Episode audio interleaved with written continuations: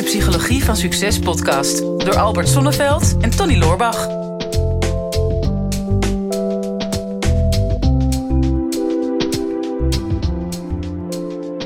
Het komt zo vaak voor dat de mensen emotioneel zijn, om wat voor reden ook. En al helemaal als het gaat over partners. En um, ja, ik heb in de voorbereiding op deze podcast hebben we er natuurlijk ook over nagedacht. En ook al een beetje over uh, ja, uh, gefilosofeerd van wat zijn nou eigenlijk partners en welke emoties komen er allemaal naar boven. Ja, maar we hebben dan net in de vorige podcast gezegd dat wij een podcast niet voorbereiden. Ja. Dus, dus nu lijkt dat een leugen. Dus dan gaan de emoties hoog oplopen bij mensen. Ja, en dan ja, voorbereiden en voorbereiden heb je natuurlijk ook. We hadden even een korte break. Mm -hmm. uh, en daarin tussen, ja, moet je het ergens over hebben en laat het nou toevallig over emoties gaan. Ja. dus uh, Sanne ook. Sanne die heeft ons uh, een, een, vraag gestuurd, wat je altijd nog steeds mag doen. Maar heb niet de verwachting dat ze allemaal nog beantwoord uh, worden. Want we hebben inmiddels een stuw meer ja. van vragen. Um, en we kunnen ze niet allemaal beantwoorden. Soms moeten we ze een beetje samenvatten. Maar deze hebben we er echt even uitgehaald, omdat dat wel heel herkenbaar is dat er altijd wel in een samenwerking uiteindelijk een verwachting en een teleurstelling is. Net zoals ook bij Sanne, die zegt: Ja, ik heb een hele vervelende ervaring met mijn partner. Ik ben uh, op een hele nare manier bedrogen. Uh, nu moet ik weer door. Ik zit vol met ideeën en ik werk hard om die ten uitvoer te brengen. Maar je snapt het wel, Albert. Je hebt het altijd over dankbaarheid en acceptatie. Maar ik merk toch dat er nog heel veel boosheid in de weg zit. Mm -hmm. En uh, hoe kan ik daarmee omgaan? Want anders kan ik ook niet doorgaan met mezelf te ontwikkelen. Dus, ja. nou, die, uh, die vraag die vind ik wel uh, leuk genoeg om die te beantwoorden. Hoe ga je met die emoties om rondom je partner? Ja, ja lijkt, mij, uh, lijkt mij niet te doen. maar dat, is, dat is, dan is nog, zitten we nog niet op 20 minuten. Nee. Dus daar moeten we wat meer van vinden. Nee. Wat is het mooie van emoties? Emoties sowieso, die geven je het gevoel dat je leeft. In het Engels is het altijd zo mooi E-motion. Motion vertelt iets over beweging. -hmm. En I vertaal ik altijd maar als energy of energie. Dus, um, en dat voel je ook als er emoties zijn. Dan zit er altijd een heleboel energie. Mhm. Alleen, hoe label je die energie? Mhm. En van bijvoorbeeld zo'n energie als boosheid. Ja, die kan twee kanten op. Als die naar binnen slaat, dan werkt die destructief. Maar als je diezelfde energie labelt als doorzettingsvermogen, dan kun je een hele tuin omspitten. Ja. Um, dus wat doe je met die energie? En het gaat dus niet zozeer over de energie, maar over het verhaal wat je erover maakt. Mm -hmm. en, en hoe kun je daar weer los van komen? Dat, dat is altijd weer de allergrootste moeilijkheid. Op het moment dat mensen dus die energie voelen. Uh, en op een of andere manier dan nog een belang eraan hebben. Hoe vervelend dat het ook is. Hè? Want Sanne zal misschien zeggen, ja leuk Albert. Er is helemaal geen belang aan om dat in stand te houden. Maar mm -hmm. misschien Sanne, weet ik niet, maar voel je nog verongelijkt of voel je bedrogen of wat dan ook. En we hebben dan de neiging om dat buiten ons neer te leggen. Hè? Want die Mhm. mm -hmm. partner heeft me bedrogen. Nou, ik ga het gedrag van de partner nooit goedkeuren, wat er ook gebeurd is. Mm -hmm. Maar als je de situatie niet kunt loslaten, wat is dan je verwachting? Soms wil je nog een soort genoegdoening. Of soms wil je nog dat die ander ook pijn heeft. Of soms wil je nog dat je omgeving medelijden met je krijgt. Of misschien, ja, weet ik wat voor belang dat er nog achter dat verhaal zit. Wat je maar tegen jezelf blijft vertellen. Mm -hmm. En natuurlijk is er een bepaalde periode voor nodig om die emoties uh, uiteindelijk om daar los van te komen. Maar het gaat niet alleen over die emoties die dan loskomen. Het gaat vooral over ga ik mezelf weer een nieuw verhaal vertellen. Waarin, die, waarin dat oude verhaal geen plek meer heeft. Mm -hmm. En dat is vaak een heel proces waar mensen langzaam maar zeker zich uit moeten losweken. En het is heel leuk om dat in deze podcast uh, ja, eens wat, wat verder op in te zoomen. Ja, nou, het is denk ik, uh, kijk, als ik uh, met emoties bezig ben. Um, ik heb verder zelf geen emoties, dus ik moet het altijd zoeken in de literatuur. maar, um, Jij verlogent je achtergrond toch ook helemaal niet en je afkomst, hè? Nee, zeker niet. Groningers en Groningers hebben geen emoties. Maar um, nee, kijk, als ik met emoties bezig ben in mijn vak, uh, in marketing, uh, dan brengt het uh, het meestal terug naar de twee kernemoties of samenvattende emoties van pijn en genot. Er zijn Ja. natuurlijk heel veel emoties die daaronder vallen. Volgens mij als je gaat zoeken, zijn er maar zes echte kernemoties. Maar die weet ik zo snel niet uit mijn hoofd. Misschien ook die uh, gedurende de podcast er nog even bij kunnen halen. Maar ehm, je kan ze vaak indelen in pijn en genot. Hè? Dat is wat de mens drijft. En uh, in eerste instantie ben je geneigd om te denken: mensen doen bepaalde dingen om genot te winnen. Uh, al dan niet om pijn te vermijden. Ja. Um, en pijn weegt zwaarder dan genot. Hè? Dus we doen liever iets om pijn te vermijden. dan dat we doen om genot te winnen. Maar zelfs genot draagt ook een zekere pijn met zich mee. Hè? Want op het moment dat je een verlangen hebt, een verlangen uh, is vaak een, een, behoefte aan genot, dan kun je ook in actie komen om simpelweg de pijn van het verlangen weg te halen. Mm dus, dus dan handel je eigenlijk nog steeds uit het oplossen van pijn door genot ja. na te streven. Ja. Dus eigenlijk het meeste gedrag is, is pijngericht. Hè? Om pijn op te lossen, al dan niet pijn te voorkomen, al dan niet om pijn te vermijden. Ja. En, um, en dat zie je ook wel. Uh, nu gaat het dan over een partner. Van hey, ik, ik, ik, ik ben, uh, ben bedrogen. Wij hebben dat met zakenpartners misschien ook. Hè? Ja. Uh, dat, je, dat je daar niet van terugkrijgt wat je, wat je hoopte daarvan terug te krijgen. En daar zit gewoon een bepaalde pijn.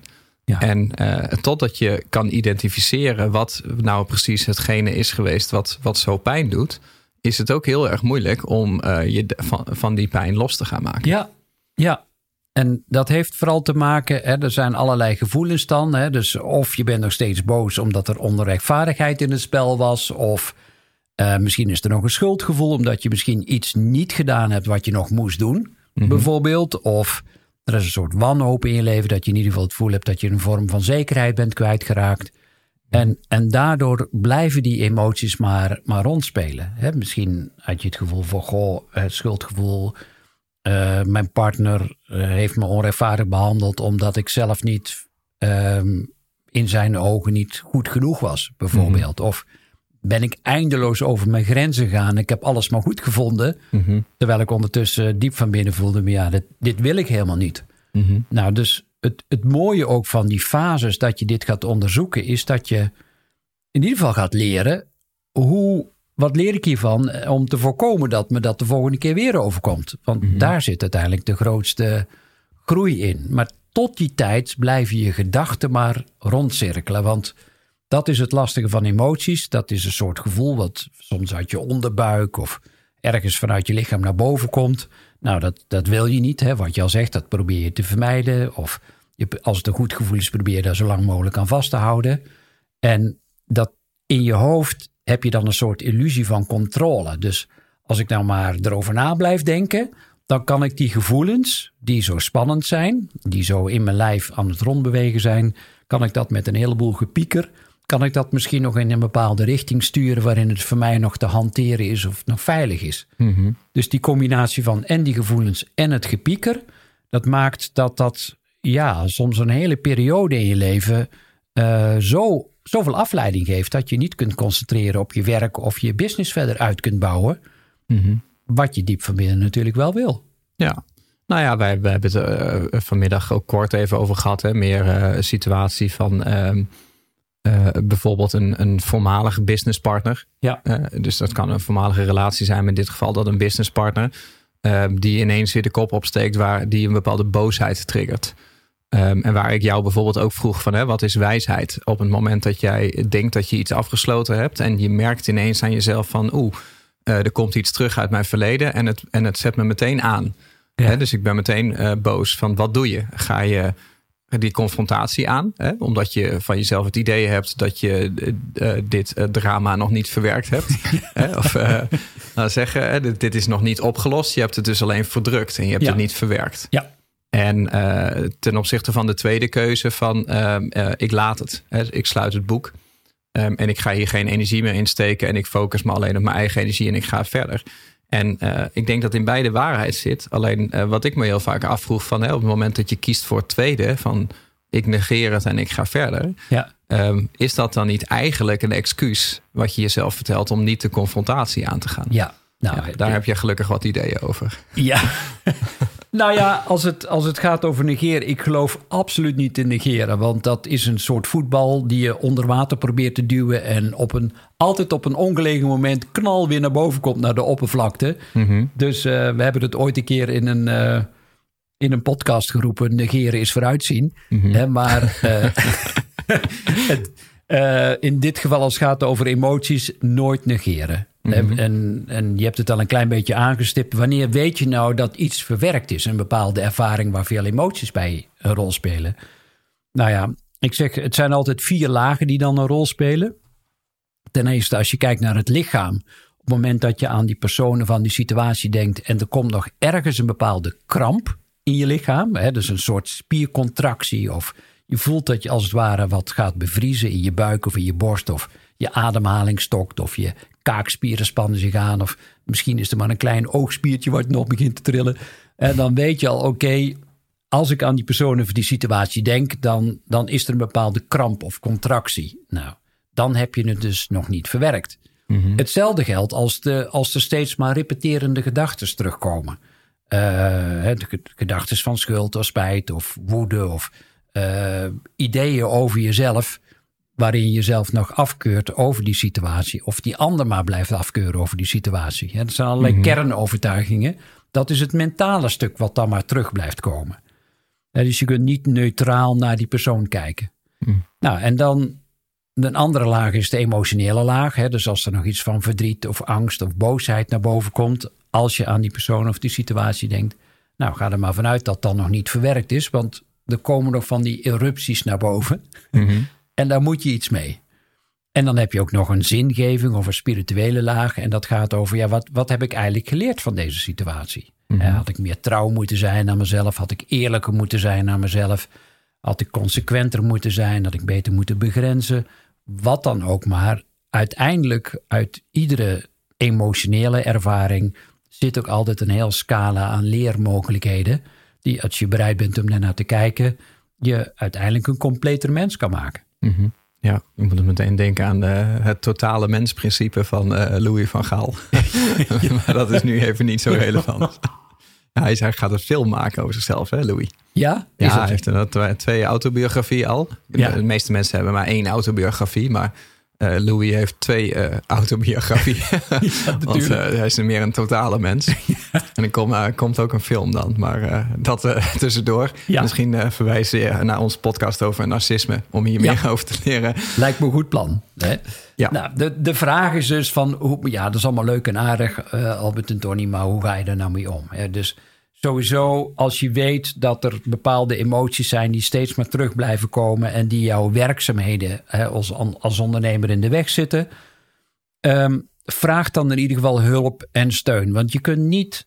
Je, eh, je kunt dit niet in jezelf oplossen. Hè? Dat denken we vaak van tijd heelt alle wonden.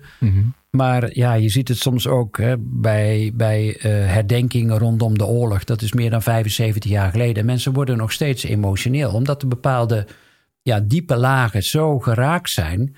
En als je die emotionele indrukken niet hebt geleerd om die uit te drukken met, met hulp, dan blijven ze terugkomen. Dat is een hypotheek op je lichaam waar je geen rente van aflost. Hè, dus zorg dat je hulp vraagt in de vorm van een coach of een therapeut of een goede vriendin of een vriend of een collega, whatever. En gun jezelf ook de tijd om dat te verwerken. Want we willen dat dan vaak on the side doen. En we willen ons focussen op de business. En tegelijkertijd, oh ja, we hebben ook nog iets als een onverwerkte emotie. Nou ja, die doen we dan wel op het moment dat dat uitkomt. Nou, herhaling, dat komt nooit uit. nu in drie termijnen. Nu niet, dan niet en nooit niet. Nee. Dus- betaal je dus ook nog eens geen, geen rente op je hypotheek in termijnen. Dat is Nee. nog duurder. Nee, nee, dat, dat, dat, dat breekt altijd op, Tony, inderdaad. Dus dat wil je niet. Dus maak er tijd voor. Ook al voelt het heel tegenstrijdig. Want aan de ene kant, je zei het al, je wil weg van die pijn. En tegelijkertijd zeggen wij, wil je het echt verwerken? The only way out is to go in. Eh, er is geen andere manier. Op het moment dat je die, die vuilnisbak, zeg het een beetje oneerbiedig, aan emoties, die kun je niet blijven aanstampen en denken, er kan nog wel iets bij.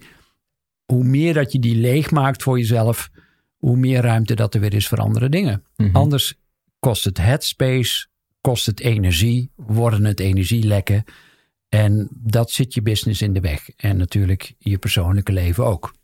Ja, het is. ehm, denk ik, want eh, ik, ik, ik snap deze vraag heel goed. En eh, wij hebben het er dus ook over gehad van in hoeverre uh, ja, je moet het verwerken. Dat staat uh, buiten kijf. Ja. Uh, maar moet je dat verwerken met de persoon in kwestie? of, of, of kun je dat zelf verwerken? Hè? En um, ik denk dat beide kan. Alleen, um, ik zat laatst een boek te lezen. Er stond een hele mooie uitspraak in. Welk boek was dat? Uh, where good ideas come from. En hmm. nou, ging vrij vertaald over waar goede ideeën vandaan komen. ik dacht, ik leg het even uit. Ja. Um, en, en dat, daar stond in dat um, op het moment dat uh, de, in de natuur uh, veranderingen ontstaan en de natuur moet dealen met verandering, dan zoekt de natuur het in connectie. He, dus, dus in alles wat binnen het ecosysteem met elkaar in contact staat, mm. dat komt met een oplossing. Ja. In plaats van in het, in het protecten, het bewaken van ja. dat wat is. En ik herkende dat wel dan bij mezelf, dat ik denk dat ik dacht van elke keer als er in mijn wereld iets veranderde, bijvoorbeeld er kwam een concurrent opzetten waar ik bang voor was in mijn business, of, of een andere business uitdaging, dan was mijn eerste gedachte om, uh, om dat te gaan mijden, om dat niet meer te willen zien. En, uh, en me terug te trekken op mijn eigen eiland. Hè? Dus minder in contact te zijn met andere mensen. En um, dat is vergelijkbaar met zo'n situatie. Hè? Van je, je wordt geconfronteerd met iets uit het verleden of iets wat je pijn doet.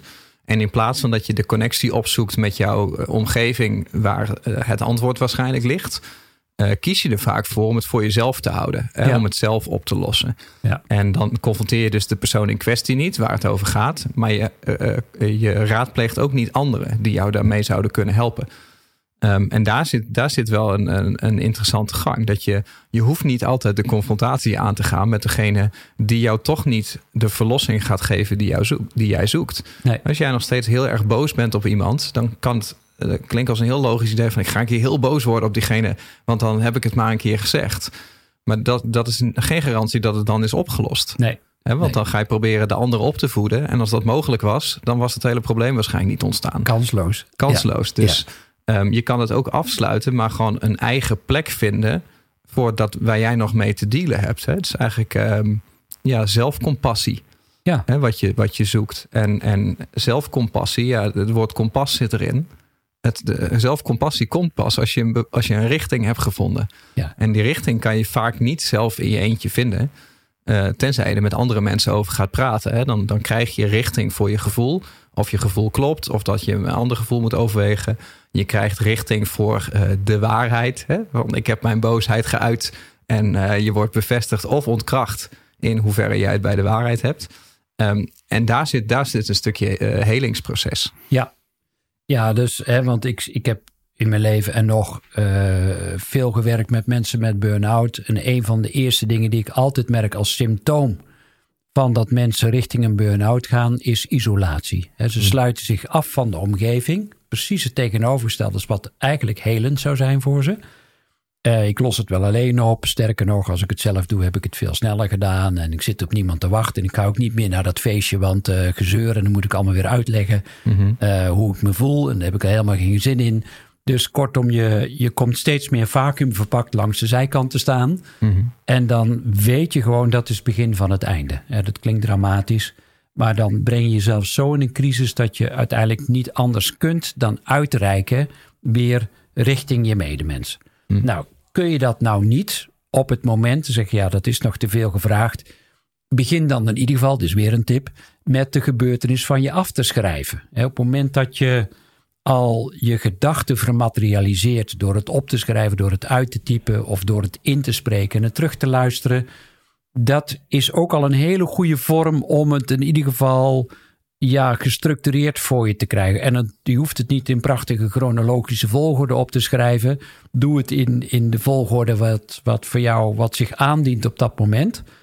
Maar dan, dan durf je het probleem ook letterlijk en figuurlijk aan te kijken op het moment dat je het opschrijft. Mm-hmm. Um, want zolang als het in je hoofd blijft rondspoken, dat, dat is op een bepaalde manier ook veilig. Want dan kun je er nog alle kanten mee op. Dan kun je die ander maar eindeloos de schuld blijven geven.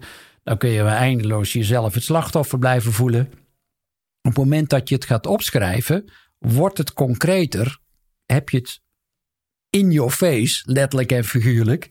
Ja, en dan kun je nog besluiten wat je ermee doet. Het verhaal wat je hebt opgeschreven, dat, dat kun je opsturen naar de persoon in kwestie. Je kunt het ritueel verbranden in de tuin of in de open haard. Je kunt het verscheuren.